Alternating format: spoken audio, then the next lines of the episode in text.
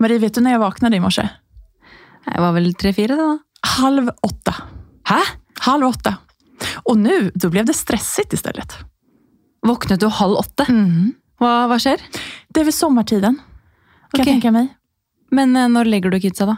Eller når, når sovner de i rettelse? Ja, det her er jo en... eh, Nu skal ni få høre her. Nu blir det avsnitt rätt mat. tusen i Marias søvnhistorie. Nei, Nej, men eh, igår så somnade vel Eh, Valentina somnade ved vid åtta och Matilda somnade väl närmare tio. Ja. Så det tog mig alltså två timmar att natta Matilda. Men hvordan går, det med Fredrik din, nattade Valentina. hvordan går det med din søvn? Jeg ville jo sjekke inn litt fra forrige uke. Ja. Vi snakket om at du skal bli bedre på å Mm. sove. Du, jag önskar att jag hade en, eh, en, eh, en sån bra uppdatering där och säga att nu har jag varit så flink, men det har jag faktiskt inte. Det är Nej. inte så mycket nytt att rapportera där faktiskt. Men eh, å andra sidan, alltså, Matilda är uppe till tio på kvällen. Då somnar de. Alltså, vi lägger oss, jag börjar ju natta dem klockan sju, som vanligt, som vi alltid har gjort. Men nu med sommartiden.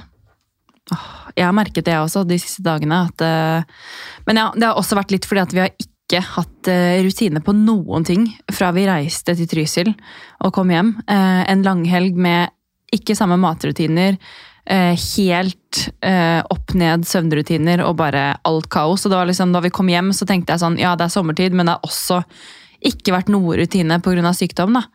Eh, Men vi får bare, ja, det tok lang tid å legge inn i går også, så det er nok bare en omstilling for de òg. Mm, absolutt. Men eh, deilig å sove til halv åtte, da. Ja, det var fantastisk. Jeg var jo utvilad når jeg våknet. Ja, Nydelig. da. Ja, ja. Du ser så fresh ut. da. Takk, takk, takk. takk. En ting jeg også må huske på fra sist gang. Jeg har forresten fått veldig mange hyggelige tilbakemeldinger fra forrige episode om at eh, folk takket meg for at jeg var så åpen og ærlig om eh, mine vårrengjørings... Holdt jeg på å si problemer, eller ja.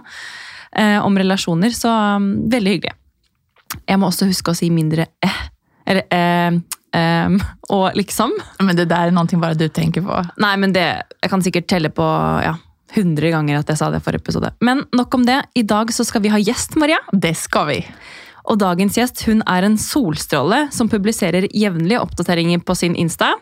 Hun byr på glede, inspirasjon, matoppskrifter, mote og en god del åpenhet, som hun selv skriver i sin bio. I tillegg så er hun mamma til to, og hun fikk sitt første barn som 16-åring. Og det er vi interessert i å høre mer om. Vi är väldigt glada över att hälsa Aurora Hoff välkommen hit idag. Du lyssnar på Mom Life Podcast med mig Maria. Og meg, Maria.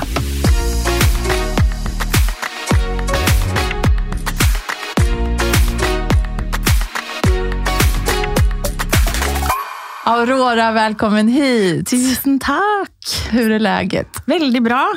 Litt um, en rolig morgen. En rolig morgen. Ja, Det er deilig. Så skönt. ja måtte ha det i dag. For Ja. å være klar for å komme hit til dere. For å lade opp her innenfor Ja. studioinnspilling. Ja. Men du, Aurora, vi kjenner hverandre jo litt gjennom eh, Happy Mommy Squad. ja, det gjør vi. Ja, det er veldig hyggelig. Um, skal vi hoppe rett på spørsmålene her, eller? Vi har jo laget en sånn spørsmålsrunde på Instagram, både du og oss. Mm. Uh, og folk er jo veldig nysgjerrig på deg, da. Ja. Er ikke det litt stas, da? Ja, det er jo det. Ja. Det har jo sikkert noe med at jeg også har holdt ganske mange ting tett til brystet, Mm. som jeg liksom kan nevne i forskjellige situasjoner. Mm. Men som jeg kanskje ikke deler så ned i dybden på. da. Som også var litt av grunnen til at jeg hadde lyst til å komme hit til dere. Ja, ja for du, du har liksom hintet litt om saker så men ikke gått ned og pratet noe dypere om det. Ja, Som vi skal gjøre i dag. ikke sant? jeg eksponerer jo ikke barna i sosiale medier. Og via at jeg ikke eksponerer dem, så snakker jeg også litt mindre om det enn det kanskje folk som velger å eksponere barna sine, gjør. da. Mm. Så veldig gøy å skulle snakke litt om det. Hvordan var det et beslut som du tog at ikke eksponere barnen? Mm. Jeg har jo gjort som alle, prøvd og feilet underveis. Og eksponert barna. Det var, jeg hadde en setting Det var før liksom, ting ble sånn som det er nå, da, hvor jeg liksom lever og jobber fulltid av dette. Så husker jeg mitt første samarbeid. Jeg var kjempestoka, syntes det var dødsgøy. Hadde fått, som veldig mange andre mødre, fått Twist Shake-samarbeid. Gleda meg til å lage innhold. Og så stabler jeg Twist Shake-flasker rundt hodet på mitt minste barn, som da er liksom tre måneder gammel. Og det står Twist Shake, Twist Shake, Twist Shake i alle disse fine fargene. Så tar jeg bildene og så tenker jeg, hva er det jeg driver med? altså, hva er dette for noe? Kände du så nær du gjorde det? Ja, og så tenkte jeg, kan jeg poste dette? Og jeg var kjempefornøyd med bildene, jeg synes hun var helt nydelig, men det var liksom første gangen hvor jeg riktig, altså sånn virkelig eksponerte barn i forhold til det kommersielle. Og kjente en sånn magefølelse som jeg bare Nei, nå må jeg ta et oppgjør. Dette kan jeg ikke holde på med. Dette er ikke meg i det hele tatt. Så karrieren ble kortvarig. Men det hjelper jo også at jeg har et eh, barn på snart 14. For det gjør jo at jeg på en måte Det er litt sånn som jeg pleier å si når folk spør om jeg vil ha flere barn, så er det jo eh, alle Ja, men det er jo så koselig, og tiden med barnevogn og Men det å få barn er jo noe man skal ha med seg hele livet, hvis vi er så heldige, som de aller fleste av oss er. Um, og det er ikke bare den barnevognen. Det er ikke bare de Twist Shake-flaskene på et bilde på Instagram. Det er liksom fremtid, da. Åh, det her er så viktig at du sier, for jeg føler seriøst det inntrykket man får av folk på sosiale medier, da, er at liksom, det har blitt trendy å bli mamma. Det har blitt trendy å gå gravid og poste det på Insta. Og gå med denne barnevognen og poste det samarbeidet. og så er det så mye mer enn bare liksom, en barnevogntid hvor man kan gå og trille og det ser fett ut. liksom. Det er en jobb for livet. Det er det. Den der tiden med barnevognen er jo kort. Og det, vet, det kan jo vi alle tre her skrive under på, for vi har vært igjennom den tiden nå. Og da man tenker kanskje ikke riktig på det så mye i starten. Nei, og så får man dette barnet, som jeg nå har snart hatt i 14 år. Og så gjør man seg jo noen nye tanker, og det er jo litt sånn Jeg har jo gått ganske hardt i bresjen med nesten alle jeg snakker med som eksponerer barna sine i sosiale medier. Fordi jeg mener ikke at man ikke skal gjøre det, det er ikke der jeg står. Men jeg mener at du skal være veldig bevisst når du gjør det. Du skal være klar over hva du driver med. Og jeg, som jeg ofte også drar som et eksempel, er at jeg selv er et eksponert barn. Og hadde aldri noe å si på det. Og at den erfaringen jeg også har med meg, tar jeg med meg i hele altså valget mitt da, for å ikke eksponere mine barn. Og syns at særlig i kommersielt samarbeid at å eksponere barn er en uting. Så du har også opplevd å på en måte blitt eksponert selv da du var barn? Noe du kanskje ikke følte at du kunne bestemme? Ja, det var ingen som spurte. Nei. Og da var det jo ikke sosiale medier. Det var jo Se og Hør, Her og Nå, KK, alle disse store magasinene. Og det var ingen som spurte barn om de verken altså, Vil dere være med? Hva tenker vi om dette? Er dette lurt? Altså, Jeg har jo jobbet så store deler av livet mitt på å ikke være datteren til, men få lov til bare å være Aurora. Men så kunne jeg på en måte ikke ta det valget, for veldig mange som har fulgt med på da min far, da, har jo sett meg opp igjennom. Og vil jo alltid tenke at jeg er dat datteren til. Noe som jeg har jobbet for å få bort. For hvem er din far? Å ja. Han heter Stig Henrik Hoff og jobber som skuespiller. Og har gjort det i mange år. Og er, eller hele mitt liv, faktisk.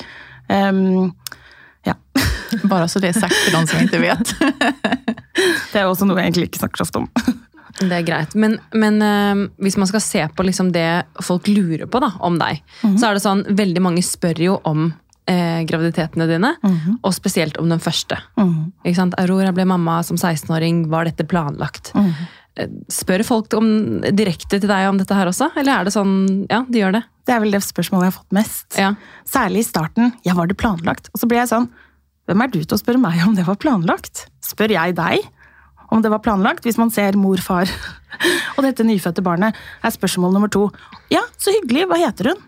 Ja, var det planlagt? Det er jo ingen som gjør det. Det er jo ikke normal folkeskikk. Vet, vet du hva, jeg fikk spørsmålet mange ganger da jeg ble gravid.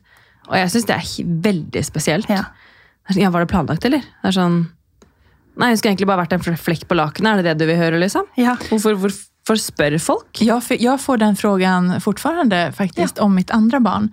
För att jag fick ju mina barn tätt. Ja. Och då, jag tror att det har att göra med kanske att när det är lite inom situationstecken extrema case, eller case, men du förstår att, Ja. eh, mm, att du, du blev mamma tidigt, jag fick mina barn tätt. När det är någonting som sticker ut lite extra, som inte är helt i normen, då tar folk sig rätten att fråga, var det planlagt? Men jeg må bare skyte inn én ting, og det er jo at liksom Jeg føler at hvis det er folk jeg kjenner godt, eller hvis det er folk jeg er trygg på, så er det sånn Hvis man kommer da med et spørsmål sånn Ja, hadde dere planlagt det lenge? Bla, bla, bla. Da er jeg veldig komfortabel med å snakke om det. Men det er sånn, hvis det er folk jeg ikke kjenner som bare sånn Ja, var det planlagt, eller? Så er det sånn, Skjønner dere litt hva jeg mener? At det blir sikkert litt sånn hvem som spør òg. Mm. Og samtalen blir mye mer naturlig hvis det er med noen man kjenner. Yes. Og da er det jo mye mer naturlig å si sånn Oi, det gikk litt fort i svinga. Sånn er det. Men at liksom Ola Nordmann omtrent på gata fordi de vet hvem jeg er, spør om det, det syns jeg er på kanten. Men hva svarer du, da? Jeg pleier stort sett å få ikke svare. Nei. For jeg syns ikke det er eh, De gangene jeg har snakket om det, som da avslører det hele, er jo at det er den beste uplanlagte tingen jeg har gjort i mitt liv. da. Men det er ikke det som på en måte er essensen i at jeg fikk henne. Og så syns jo folk at det er veldig interessant fordi jeg var så ung da jeg fikk barn. Jeg var 16 år. Og det gjør jo også at spørsmålene selvfølgelig kanskje kommer litt Altså de litt sånn, igjen sånn som du sier, at når noe er litt utenfor normen, eller over på det litt mer ekstreme, så tror jeg folk også mister litt sånn hemningene i spørsmålene sine, fordi de også er veldig nysgjerrige, og at det ikke nødvendigvis handler om at det kommer fra et vondt hjerte, men for meg som opplevde så ekstremt mye motgang der jeg satt som 16 år gammel og gravid, liksom. Og det å få det ene spørsmålet etter det andre, og det fortsetter, det gir seg liksom ikke. Nå er hun snart 14 år, så nå begynner det å roe seg. Men det er ehm, det at man hele tiden føler at man skal motbevise eller bevise noe. Så har jo det spørsmålet selvfølgelig vært mye sårere tidligere enn det det er nå. Men jeg syns folk burde tenke seg om når man stiller akkurat det spørsmålet. Mm. Vet du, vi er så glade at du er her i dag, og at du vil åpne opp litt og berette om det her. Hvordan fant du ut som 16-åring at du var gravid? Dette er den delen av historien som jeg har veid masse frem og tilbake på om jeg skulle fortelle noen eller ikke. Eh, og litt sånn, fordi det er jo et menneske som er skapt, det er jo ikke bare et barn, det er jo et menneske. Det er datteren min, Alexandra. Fantastiske Alexandra. Jeg fikk beskjed om at jeg ikke kunne få barn da jeg var 13. Ja, eh, ganske hardt. Eh, men et 13 år gammelt øre hører når noen sier spesialister du kommer til å få store problemer med å få barn, og vi kommer til å måtte hjelpe deg, men det fins hjelp. Min mor, som hun da fortalte i ettertid, satt jo da på soverommet den samme kvelden, gråt tårer over at stakkars Aurora, som antagelig aldri kommer til å få oppleve å få barn, for å da liksom finne sin styrke i å bidra med det. Men jeg kommer fra en veldig åpen familie, hvor vi har snakket om prevensjon tidlig. Eh, alltid ledd litt sånn ha-ha, det er ikke så farlig med deg. Eh, frem til jeg da er gravid.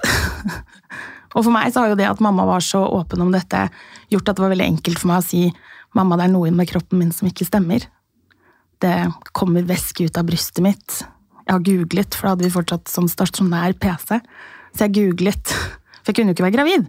Så hvorfor kommer det væske ut av brystet? Og da var søkeord nummer to etter graviditet brystkreft. Så jeg tenkte at jeg var liksom Norges yngste kvinne som hadde fått brystkreft. Det var det da altså ikke. Jeg har en mor som er utdannet sykepleier. Hadde jobbet et år på barsel på Bærum sykehus. Så hun hadde jo definitivt kjent på en gravid mage tidligere. Så hun kjenner meg på magen. Altså Jeg legger meg ned på sengen, og hun kjenner meg på magen. Og så er vi ikke så i tvil om at det er noe som ikke er helt som det skal. Dagen etterpå så eh, reiser mamma på apoteket. Ting er egentlig litt sånn blurry, men jeg husker alle sånne topphendelser i de dagene. da, Veldig intense dager. Um, hvor mamma kjøper graviditetstester. Vi blir så paranoide at mamma tar graviditetstest selv. Bare for å liksom være helt sikre på at disse graviditetstestene stemmer. Og jeg var jo da gravid. Så vi bestiller time på, um, hos fastlegen for å se liksom, hvor langt er jeg på vei. Um, er dette noe vi skal gjennomføre, ikke gjennomføre? Jeg har en mor som er for fri abort, men ikke som et prevensjonsmiddel. Så hun har på en måte alltid, jeg har alltid visst at hvis situasjonen skulle dukke opp, så ville hun aldri pushe meg til verken det ene eller det andre. Um, kommer til eh, legen, han måler magen, um, og vi finner ut at det er ganske langt på vei. Så egentlig ikke snakk om så stor margin, da. Så vi hadde egentlig en time da på Bærum sykehus to dager etterpå, men de satt og ventet på oss samme dag fordi jeg var så ung. Kommer opp dit, starter med en ultralyd, og jeg er såpass langt på vei at det er egentlig ikke noe å diskutere. Da er det å søke om andre typer måter å gjøre det på. Um, så allerede der så omstiller jeg meg veldig fort. Det er jo det som er sånn fordelen med å være ung når man oppdager dette, er at jeg har ikke på en måte hjernen som jeg har i dag. Jeg har, Man tenker mye mer her og nå. Må forholde seg til ting sånn som det er. Og sånn barn og unge er veldig gode på å omstille seg. Jeg har det egentlig med meg fortsatt. Um, men gikk egentlig da fra første ultralyd, hvor jeg ikke ønsket å se noen ting, til tredje ultralyd samme dag, og jeg lurte på hva det var. Så da fikk jeg vite at det var en jente i magen. Mm. Jeg må bare si at uh, jeg sitter her med gåsehud og kjenner liksom at jeg får tårer i øynene, for det her er sterkt, altså. Mm. Så mye du får vite på så kort tid. Mm. Så er verdens, jeg må bare si det, jeg har verdens beste mamma som ikke, mm. som ikke gjorde annet enn å være mammaen min i den situasjonen. Hun skulle ikke være belærende, hun skulle ikke uh, være, sitte med pekefinger. For jeg tror kanskje mamma også skjønte hva jeg kom til å oppleve videre. Mm. For det er egentlig den, hele den situasjonen med mamma på sykehuset ble jeg så godt tatt vare på, tatt imot. Alle tenkte, altså sånn, Det var en nydelig sykepleier som så på meg og sa hun, jeg er så glad for at det er sånne unge jenter som deg som også vil ha barn, for her kommer det voksne damer og tar det bort fordi det ikke passer pga. karriere. Altså Jeg ble så møtt på en så respektfull måte, så ære være både Bærum sykehus og mamma som var i den situasjonen. Og så er det jo alt det som har kommet etterpå, som kanskje ikke har vært det morsomste. Men som også har jo definitivt formet meg dit jeg er nå. Men du sier alt som har kommet etterpå. Hva tenker du på da? Man møter ekstremt mye motstand når man, og fordommer når man får barn tidlig. Mm. Eh, Jeg, fra, jeg er fra Oslo, men bor i Bærum. Bærum har jo et rykte på seg på hvor statistikken også er ganske høy på alderen til de som får barn. Jeg ble spurt om jeg ville være med i barselgruppe med Alexandra. Og da sa hun dette er ikke fordi jeg skal være roen mot deg, eh, men vi har aldri hatt et så høyt aldersspenn i kullet. Så den eldste var 42, og det var meg på 16, da. Men de var liksom mellom 39 og 42 år, de som var i den barselgruppen. Så de hadde også igjen høy alder, da. Ehm, så det var heller ikke et alternativ å bli med den barselgruppen. Men man møter veldig mye fordommer. Og jeg forstår det jo litt, nå som jeg på en måte er voksen sjøl. At jeg skjønner jo hvor det kommer fra, men der og da så forsto jeg det jo ikke. Og jeg skjønner jo fortsatt ikke at folk kan si sånne ting til unge mennesker som står i en ganske stor livsendring, og på mange måter en litt sånn livskrise. Fordi livet skulle forandres på ganske kort tid til det å bli mamma da, for første gang. Og at jeg møtte alt fra å få beskjed av voksne mennesker i nære relasjoner som lurte på om jeg ville adoptere bort barnet.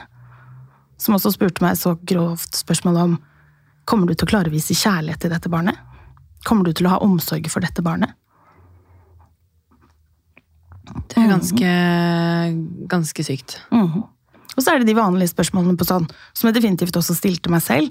Kommer jeg til å klare å ta en utdanning? Hvordan blir livet fremover? Selvfølgelig, Hvis det var noen som tenkte på det, så var jo det meg. Mens liksom hele voksenverden rundt meg skulle også mene så mye om det. Og ikke minst, jeg gikk første året på videregående. Jeg hadde tenkt å fortsette, eh, fortsette på skolen, og fikk alt tilrettelagt av lærere og alt. Etter at jeg fant ut at jeg var gravid, så tok det litt tid før liksom alle fikk vite det. Og det er som en sånn dratt ut av en sånn high school-film, på en sånn amerikansk film, hvor vi kommer inn, jeg og en som heter Andrea, kommer inn i kantinen. Og da vet jeg at veldig mange har fått dette med seg. Men vi kommer inn i kantinen, og så stopper det opp.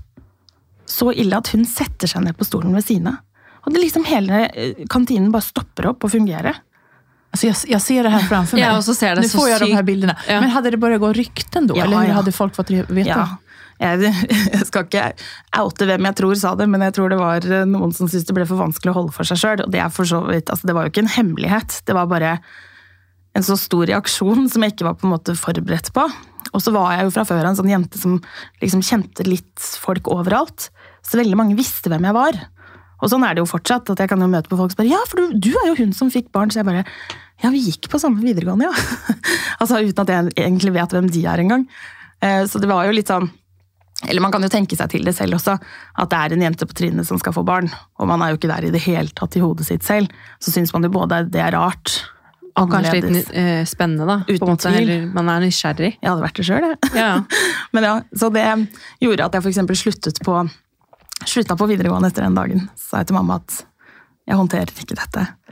Og ikke fordi ikke jeg håndterte min egen situasjon, men jeg syntes det var så vanskelig hva alle andre skulle mene. Jeg turte ikke å logge meg inn på, for da var jo Facebook liksom o store. Så jeg turte ikke å logge meg inn på Facebook før etter at jeg hadde fått henne. Og når jeg da logget meg inn på Facebook, så hadde jeg så mye innboksmeldinger av masse jenter som fortalte at de hadde tatt abort. Altså, de fortalte sånn Du er ikke alene om det, for de hadde antagelig da ikke fått med seg hele, hele Storyen. Der jeg satt da med et Da var hun vel tre måneder første gangen jeg turte å logge meg inn på Facebook igjen. Og masse annet. Og masse stygge ting. Altså, jeg er jo ikke å dytte under en stol at man også får stygge bemerkninger på dette. Jeg blir litt sånn målløs. Jeg. Jeg, bare, jeg prøver å se for meg meg selv første år på videregående, hvor jeg var da. Og da, da var du gravid, på en måte. Altså, hvordan var det for 16 år gamle Aurora å være gravid? Du slutter på videregående, hva gjør du? Jeg tror, eller jeg vet jo, at 16-åringer er veldig forskjellige. Ja. Um, jeg var nok ikke den på en måte atypiske 16-åringen. Jeg har alltid hatt et ønske om å bli voksen. Jeg har aldri likt veldig godt å være barn. Har en ganske rocky road på barneskole og ungdomsskole. Før jeg da kom på videregående og fikk gode venner. da. Eller slutten av ungdomsskolen. Men ja. Um, så jeg var jo på en måte Hva skal jeg si, jeg er glad for at det var jeg som var den, og ikke f.eks. søsteren min. Fordi jeg har alltid tenkte at jeg skulle jobbe med å ta vare på andre. Aldri tenkt at jeg skulle jobbe i barnehage, aldri vært sånn superinteressert i andres barn. Men alltid tenkt at den omsorgsbiten er noe som ligger helt latent i meg. da. I tillegg til at jeg var tidlig ute med å dra på min første fest. Jeg var ikke sånn som ventet til slutten av ungdomsskolen før jeg dro på første fest. Det var første uka, det. I åttende klasse så var jeg hypp på å dra på fest. Og sånn har det på en måte vært. Så jeg, på mange måter så Jeg kan ikke si at jeg var liksom klar eller moden, men når det først skulle skje, så var jeg veldig glad for at det var meg det skjedde med. Så på mange måter så har jo hun også Hun har jo vært redningen i livet mitt. På samme måte som at hun også har vært den største utfordringen, eller den første store, ordentlige utfordringen jeg fikk. da. Mm. Så fint sagt. fint. Hade du noe hjelp rundt omkring deg? Masse. Vi hadde Jeg er oppvokst i Når mamma og pappa gikk fra hverandre, så flyttet jeg og mamma og søsteren til i generasjonsbolig med mormor. Beste avgjørelsen jeg har gjort. Elsker mormor. Elsker å bo med henne. Eh, Med onkelen min i nabohuset. Og da vi fant ut at jeg var gravid, så var egentlig det også noen av de første tingene mamma sa. At eh, ja, men du blir hjemme til du er jo 18. Du får ikke flytte hjemmefra før. Så jeg bodde faktisk hjemme de to første årene. Um, Så koselig. Veldig. Og så, det var jo sånn, fordi mamma fortsatt var min verge, ehm, så underveis i hele svangerskapet og all oppfølging og sånn, så var jo mamma med på alt som min partner, på en måte. Og så fortsatte jo egentlig det bare når vi fikk, altså når hun var født og sånn, men det er mest, altså sånn, en av de fineste tingene mamma også har gjort i forhold til meg og den morsrollen min, da, er at mamma fikk tilrettelagt fra jobb i tilfelle jeg ikke skulle få det til. Man vet ikke hva som skjer, så hun kunne få seks uker fri de første ukene min datter var født. Til å være med og passe på og se at alt gikk som det skulle. Og jeg husker, det hadde gått liksom tre dager, så var mamma sånn Hun skulle ut og gjøre sine ting. Og da skjønte jeg at hun hadde en sånn tillit til meg på at jeg klarte dette. På at jeg fiksa dette. Og det er sånn Mamma har vært mest opptatt av at hun har skullet være mammaen min ikke mammaen til mitt barn. Så jeg har jo definitivt 100% alltid vært mammaen til Alexandra. Aldri vært noen som har dyttet meg bort, men alltid har vært der hvis jeg har trengt det. da. Så hvis, eh, Det var ikke mange ganger det skjedde, men når jeg hadde veldig søvnløse netter, så kunne jeg komme opp til mamma og så si kan du ta noen timer, så kan jeg sove. Og jeg har aldri fått et nei. Din mamma låter som en veldig fin person. Skikkelig, skikkelig bra dame.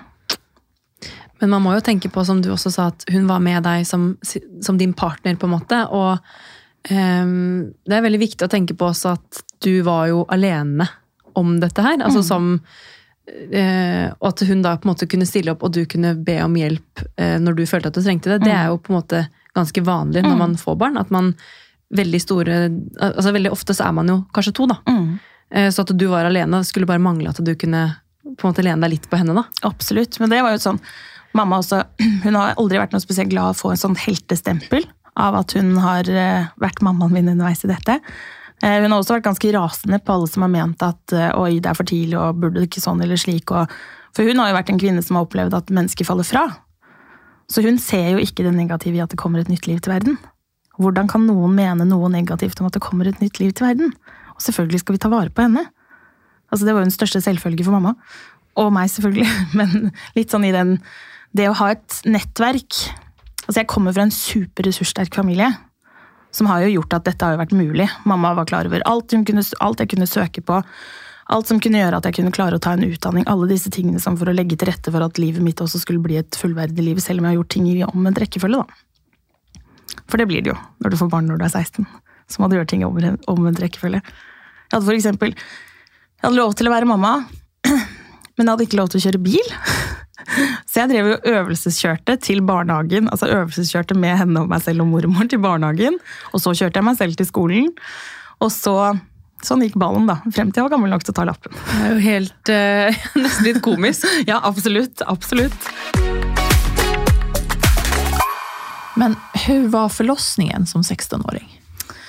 Eh, Jeg var veldig godt eh, forberedt. Jeg søkte meg inn på Rikshospitalet, ønsket å føde der. Ehm, Og de hadde en trejordmorsordning, jeg vet egentlig ikke om det praktiseres lenger, eh, men en trejordmorsordning som gjorde at for hver gang jeg var på kontroll, så ble jeg på en måte litt kjent med de tre jordmødrene som var på jobb alle tre skiftene tre uker, altså halvannen uke før termin og halvannen uke etterpå. Sånn at sannsynligheten for at jeg fikk en av de var ganske stor, da. Så fantast, tre fantastiske damer, selvfølgelig noen man får mer kjemi med enn andre. Eh, men klarte den, når jeg da skulle føde, å benytte meg av alle disse tre jordmødrene. selve sånn fødsel Jeg skjønte på morgenen, eller når jeg til slutt da satt og sov, for det reiv så fælt i ryggen. Så tenkte jeg nei, nå er det noe som er på gang. Mamma kommer ned, for jeg bodde i liksom kjellerstuen, da. Um, og mamma dusjet der nede. Sier til mamma du, nå river det så fælt i ryggen, her er det noe rart. Og hun bare nei da, dette går bra, gå og legg deg. jeg hører på mamma, går og legger meg og tenker nei da, sikkert noe et eller annet kynnere lignende. Hva er det termindatum her? Eh, dette er fire, eller fem dager før termin. Så, jeg, så, det er jo selvfølgelig, det ligger jo i lunta at det, det er noe som kommer til å skje. da. Men så går jeg opp til mamma, for det gir seg ikke. Henger litt over kommoden i gangen. Der møter jeg på mormor, som skal kjøre storesøsteren min til skolen. Eh, og så sier jeg hvis ikke dette er påbegynnende fødsel, så skjønner ikke jeg hva dette er. Det er noe galt som foregår. Kommer opp igjen til mamma, som står og sminker seg og gjør seg klar for å dra på jobb. Altså Hun også hadde på en måte ikke tatt det inn over seg at det kan jo hende at det er fødsel på gang. liksom. Eh, dette gir seg ikke. Vi ringer til eh, sykehuset og spør om jeg kan få komme. Og det har jo igjen sånn Der spilte nok alderen min en liten rolle på at det er kanskje lurt å trygge meg, med tanke på at jeg var såpass ung. da. Eh, og skulle gjennom det jeg skulle gjennom. Heldigvis visste jeg så lite, jeg hadde sett så lite, jeg hadde ingen tanker om noen ting. Jeg var ikke noe, sånn, Det høres ut som at jeg er kjempedum, men jeg var bare jeg var ikke noe opptatt av masse sånn forberedende. Mamma prøvde alt hun kunne å legge til rette for at sånn, ja, ønsker du at vi skal finne ut av mer nært enn hva fødsel er, liksom. Hadde ingen tanker om annet enn sånn. Man kommer ut, ja. Mm. Kommer på sykehuset, har bare én centimeter åpning. Veldig morsomt, på, på, veien der så var det beltekontroll. Og da sitter jeg og har min første ri, og så sier han politimannen at ja, om vi hadde på belte. Og da har jeg skjønt at mamma er så stresset at hun sier vi skal, hun driver og føder, så vi fikk kjøre videre, da. Men i hvert fall. Eh, kommer dit, har bare 1 cm åpning, og de snakker litt da om å sende meg hjem. Hvor jeg vet at min mor sier eh, vi sender ikke noen hjem, hun skal få være her.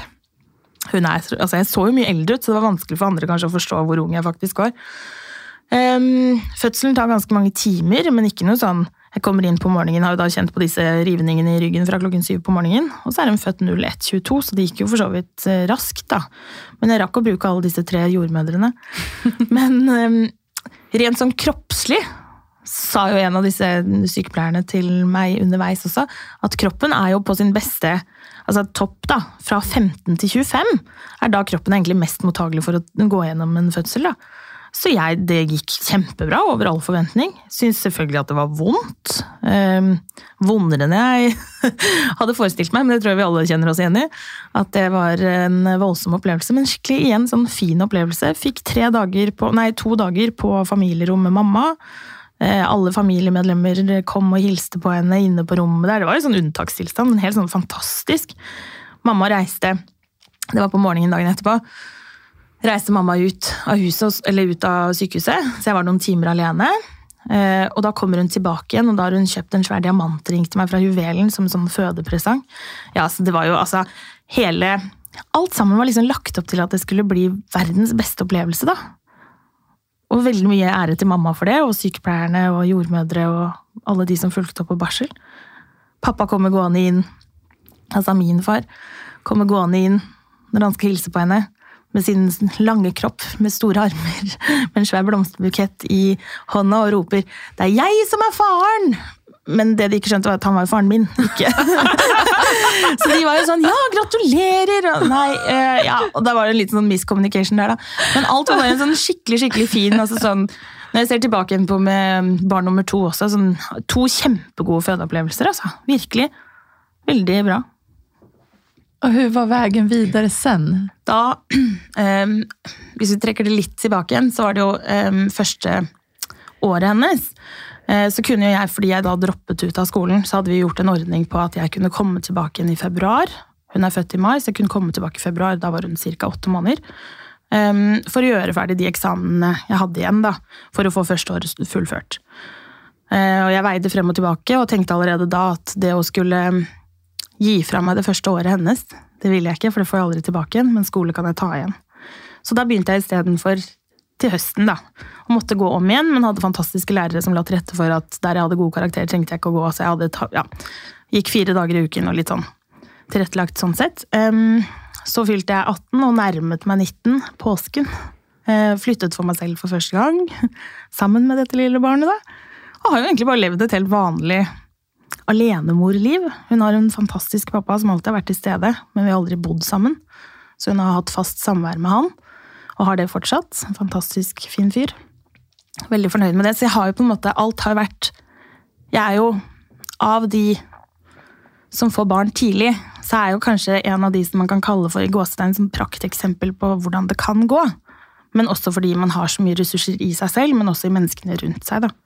Som har gjort at det for meg å få barn har jo bydd på mange utfordringer, men det har virkelig vært det fineste som har skjedd meg. Hva har vært den største utmaningen?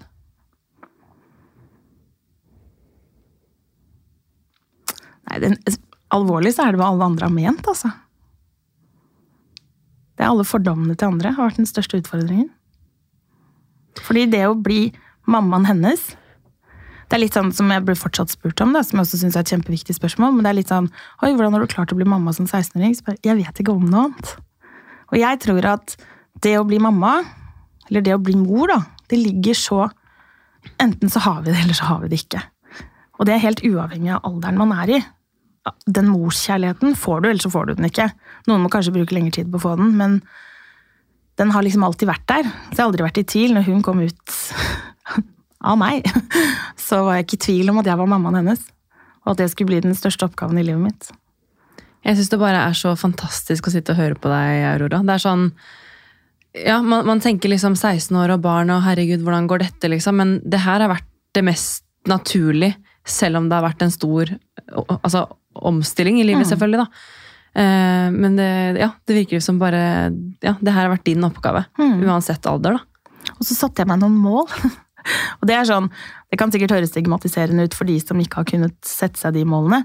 Eh, Men jeg hadde to mål, og det var jeg ville ikke bli en mor som måtte sove på sofaen.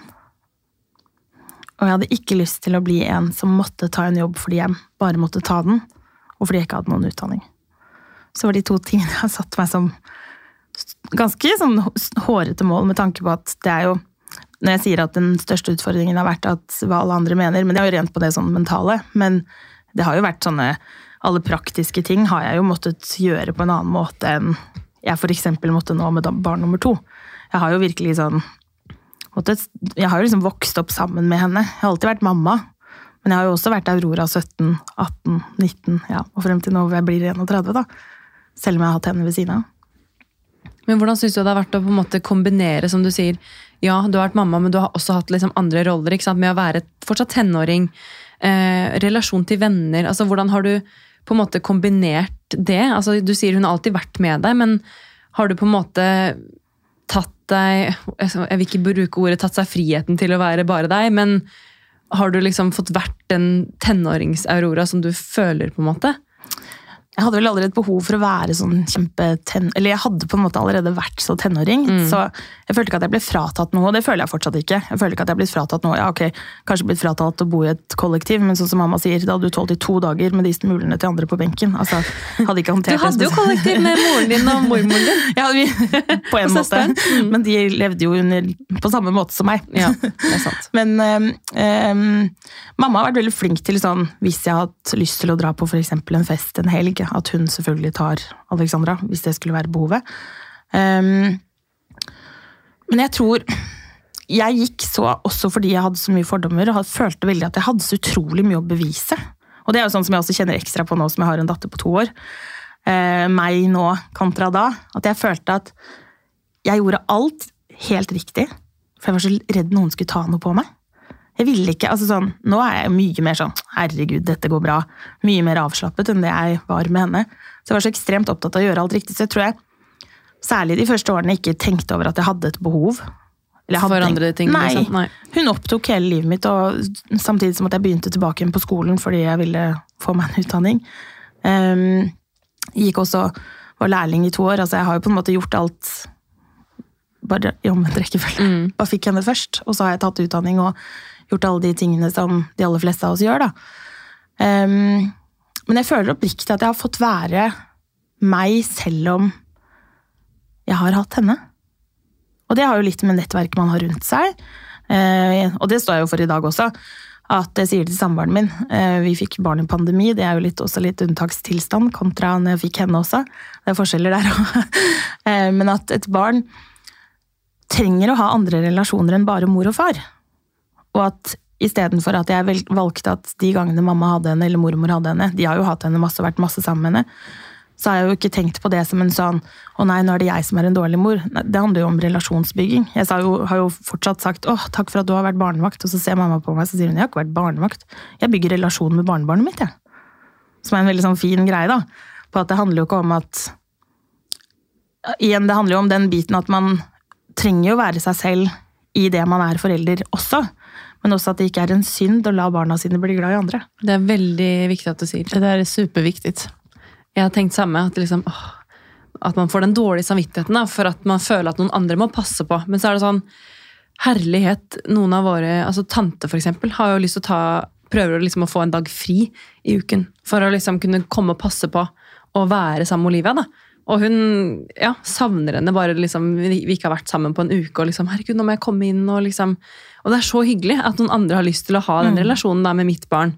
Og ikke liksom føle at eh, ja, nå skal du bare sitte her og passe på henne for at jeg skal gjøre noe annet. Nei, det er ikke det det handler om. Det der tror jeg er viktig at vi alle mammor tar med seg, og som du sier, Marie, at det er inte, det är inte en tjänst eller så här att vi ska be om ursäkt. Att här, tack för att du passar på barnet mitt. Så jeg du, kan, varsågod. Ja. Du får hänga med henne idag. Vad härligt. Kos dere, liksom. Jeg unner Olivia også å ha andre i sitt liv, da. ikke bare mamma og pappa. Jeg tror det er så sunt. Det er kjempeviktig, og viktig for fremtiden også. Og det er sånn som jeg ser Nå også, nå har jeg jo et såpass stort barn som også kan si jeg har lyst til å reise til Hun kaller henne ikke for mormor, hun kaller henne for Kjersti. da. Jeg har lyst til å reise til Kjersti i helgen. Og da setter hun seg på T-banen selv, og så ordner de opp alt dette. Og hun møter henne på Stortinget. De møtes, er sammen hele helgen. Og så kommer hun hjem og er superfornøyd. Det er Og det er jo hyggelig. ære være fordi man også har bygget den relasjonen så tidlig, da. Og Ja. den alltid har vært der, så man er så trygg på hverandre. Som igjen Det var jo sånn, når jeg fikk stemoren min inn i livet, så ville jeg gjerne at hun skulle ut av livet mitt veldig fort. Men så begynte jeg jo å forstå at fader heller, øh, dette er jo en relasjon som jeg kan bygge på. Som jeg kan ha med meg. Og det er jo det samme som med datteren min, da, som har både bonusfar og bonusmor. At det er jo bare kjemperessurser i hennes liv. For en glede å ha så mye mennesker rundt seg. da. Tenk på alle de menneskene som har så lite familie og gjerne skulle ønsket seg det. Og så sitter vi og har muligheten til å både gi barna våre trygge relasjoner som de kan få spille på, ved at vi også gir de tid og rom til det. da. Men istedenfor sitter mammapolitiet og sier burde du ha så mye barnevakt? Ah, word. Men du, hvordan, eh, hvordan former det relasjonen til eh, et barn når man blir, er så ung mamma? Altså, hvordan, hvordan har båndet til deg og Alexandra vært og utviklet seg fra, fra start? Vi har jo et veldig tett bånd, men det handler også veldig om at det alltid har vært henne og meg. Det har liksom vært henne og meg mot resten av verden, i mitt hode veldig. Og det ble jo hun også formet av. Og når man er så mye alene da, med henne som det også har vært, så blir vi jo på en måte ganske fort et team. Så når hun skulle lære seg å kle på seg, og så fort hun lærte seg å kle på seg, så var det noe liksom hun hadde ansvaret for selv. Det var å kle på seg de klærne som var lagt frem, ta på seg sko. Hun har jo kanskje hun har jo blitt veldig sånn ansvarliggjort tidlig, uten at hun har hatt et voksent ansvar, men at hun har liksom lagde matpakke selv. Og, altså, det var mange ting hun gjorde fordi vi var et team, da, hun og jeg. Og det har jo også gjort at hun og jeg er veldig sånn ja, Vi har jo et veldig nært bånd.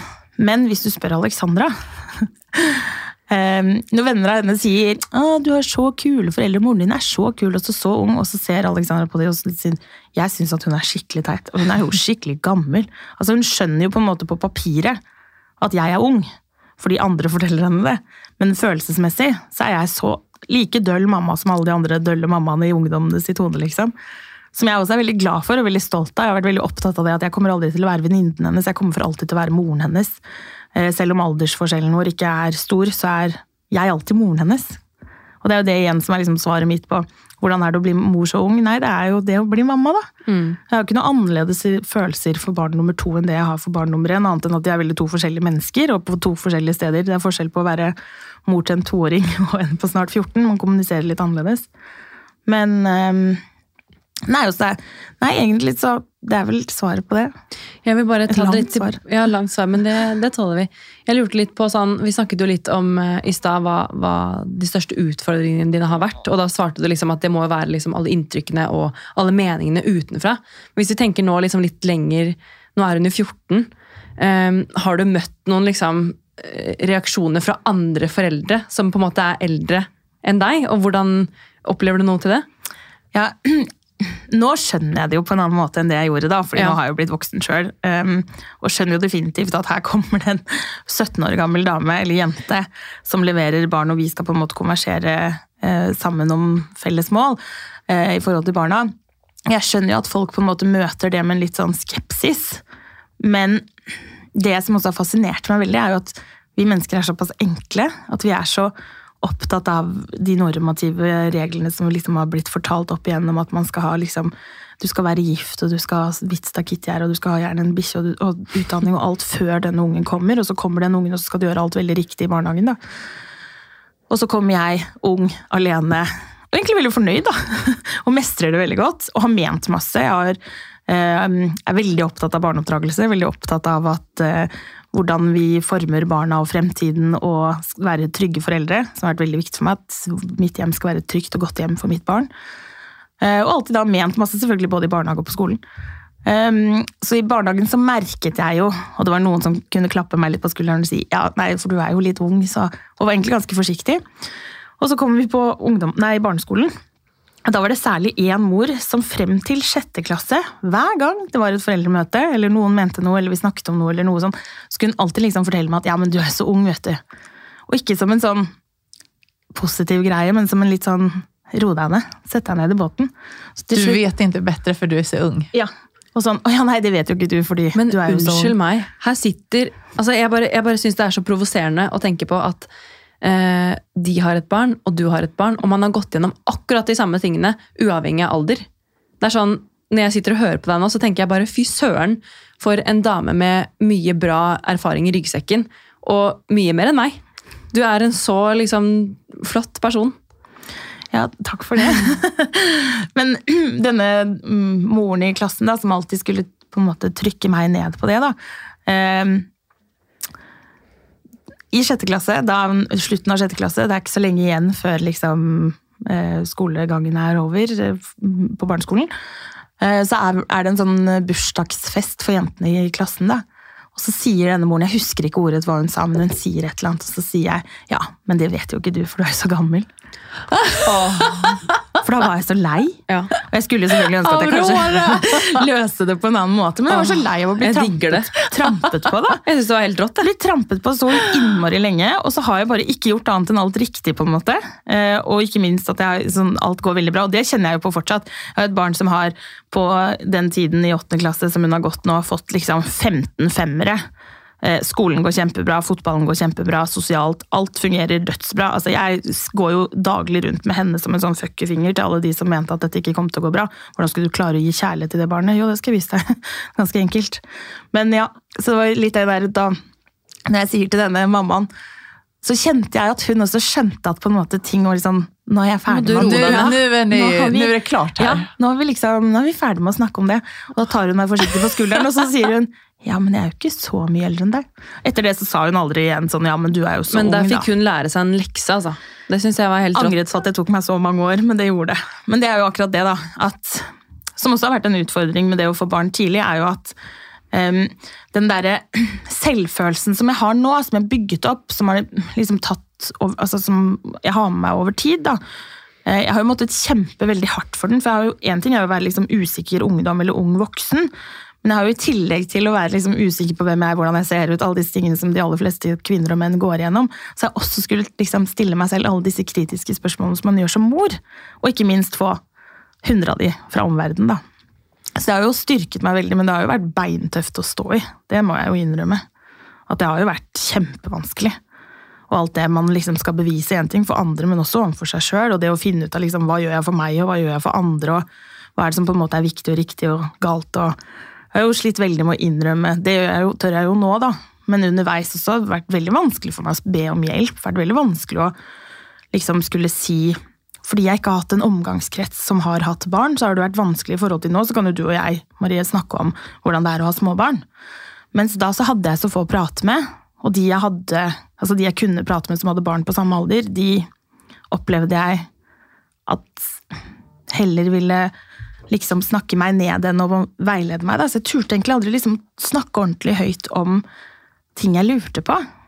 Og det er jo sånn at ting har gått så bra, er jeg jo dødsfornøyd med også derav, da. Men jeg har jo, sånn som nå, når jeg fikk eh, barn nummer to, det å spørre om ammehjelp, ammeveiledning, snakke med venninner, altså om hvordan ting er etterpå, snakke med samboer osv., har jo altså Det er jo ikke noe jeg er redd for nå, men det var jeg jo da.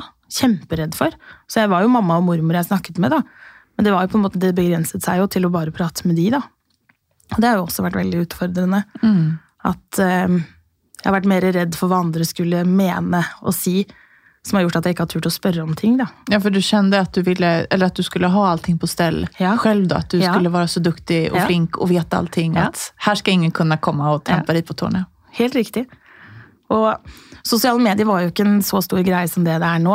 Så man hadde jo på en måte Jeg hadde ikke den hvis, altså Misforstå meg rett, å få barn som 16-åring i dag, det tror jeg de sitter nok med en ganske annen opplevelse enn det jeg gjør. For det holdt for meg å se bare andre par og andre som var liksom et annet sted i livet, selvfølgelig underveis. Så tenkte jeg jo på det at sånn så ikke livet mitt ut. Og at jeg lurte jo veldig på kommer jeg noen gang til å få meg en kjæreste. Kommer jeg til liksom, eller kommer det til å være henne og meg for alltid? Bare henne og meg? Altså, det var masse sånne store spørsmål som jeg selvfølgelig fikk kjempetidlig. da. Ja. Men hur var det å möta killar och dejta och hela den biten när du har ett litet barn? Jeg har ikke hatt så mange kjærester. det kan jeg jo innrømme. at jeg ikke har hatt. Eh, Fordi man blir jo veldig kritisk. Du tar jo ikke med deg hvem som helst hjem når du har et barn. Og så er det jo ikke hvem som helst som heller ønsker kanskje å være med på det. I hvert fall når jeg var så ung, da. Så jeg har jo hatt, før jeg traff han her sammen med nå, så har jeg jo hatt to kjærester. eh, Men som begge har vært eldre enn meg. Eh, Og som også har vært på, på et annet sted i livet enn det at fest og moro var det største i livet, da. Men han jeg bor med nå, er jo den første ordentlige samboeren jeg har, da. Og forlovet. Ja. Veldig koselig. Og pappaen til barn nummer to. han ville nok sagt pappaen til begge jentene, men eh, han er jo biologisk pappaen til den ene, da. Og det vet jeg at det er mange som har spurt om, i hvert fall på min uh, sosiale mediekanal. I forhold til det å få barn tidlig, og det å ha et barn fra før av. Og det er hvordan finne kjærligheten, da. Og da har jeg ett råd til omverdenen, og det er prøv. Åpne. Vær eh, Tenk at du Tenk at du har en gavepakke. Dette mennesket møter ikke bare deg, den møter et barn til, eller kanskje enda et barn. Altså, det mennesket er jo den som er heldig, som får møte deg som har en gavepakke med deg. Og ikke se på det ikke se på deg sjøl som om at det er noe dårlig å komme inn med. Du kommer jo inn med verdens beste utgangspunkt, men som også byr på noen utfordringer. Men date, last ned Tinder. Jeg fant Sven på Tinder. Altså, alt er mulig. Men tør å gjøre det, og legge til rette for det. Og ikke vær redd for hva andre skulle mene. Det siste her er jo litt sånn hva du ville sagt da, til eh, deg selv som 16-åring, når du Om det er kanskje andre som hører på podden nå, som kjenner noen i samme eh, situasjon, eller som sitter der gravid eh, som ung jente. Eh, Har du noen gode råd? Stol på deg selv. Be om hjelp hvis du trenger det. Du kommer til å klare det. For det gjør du. Virkelig. Det er, eh, du kommer til å stå i masse tøffe situasjoner, og du må stable det ene benet foran det andre, men du kommer til å få det til. Det er ikke verdens undergang. Det er tvert om kanskje livets største opptur å få det barnet. Aurora, du er en inspirerende menneske. Tusen takk for at du kom hit i dag. Takk. Om våre lyttere vil komme i kontakt med deg, hvor hittar de deg då? På Aurora Hoff. på Instagram og TikTok og Snapchat og overalt. Så Aurora Hoff, da. Inn og följ. takk for at ni har lyssnat. Ha det bra! Ha det!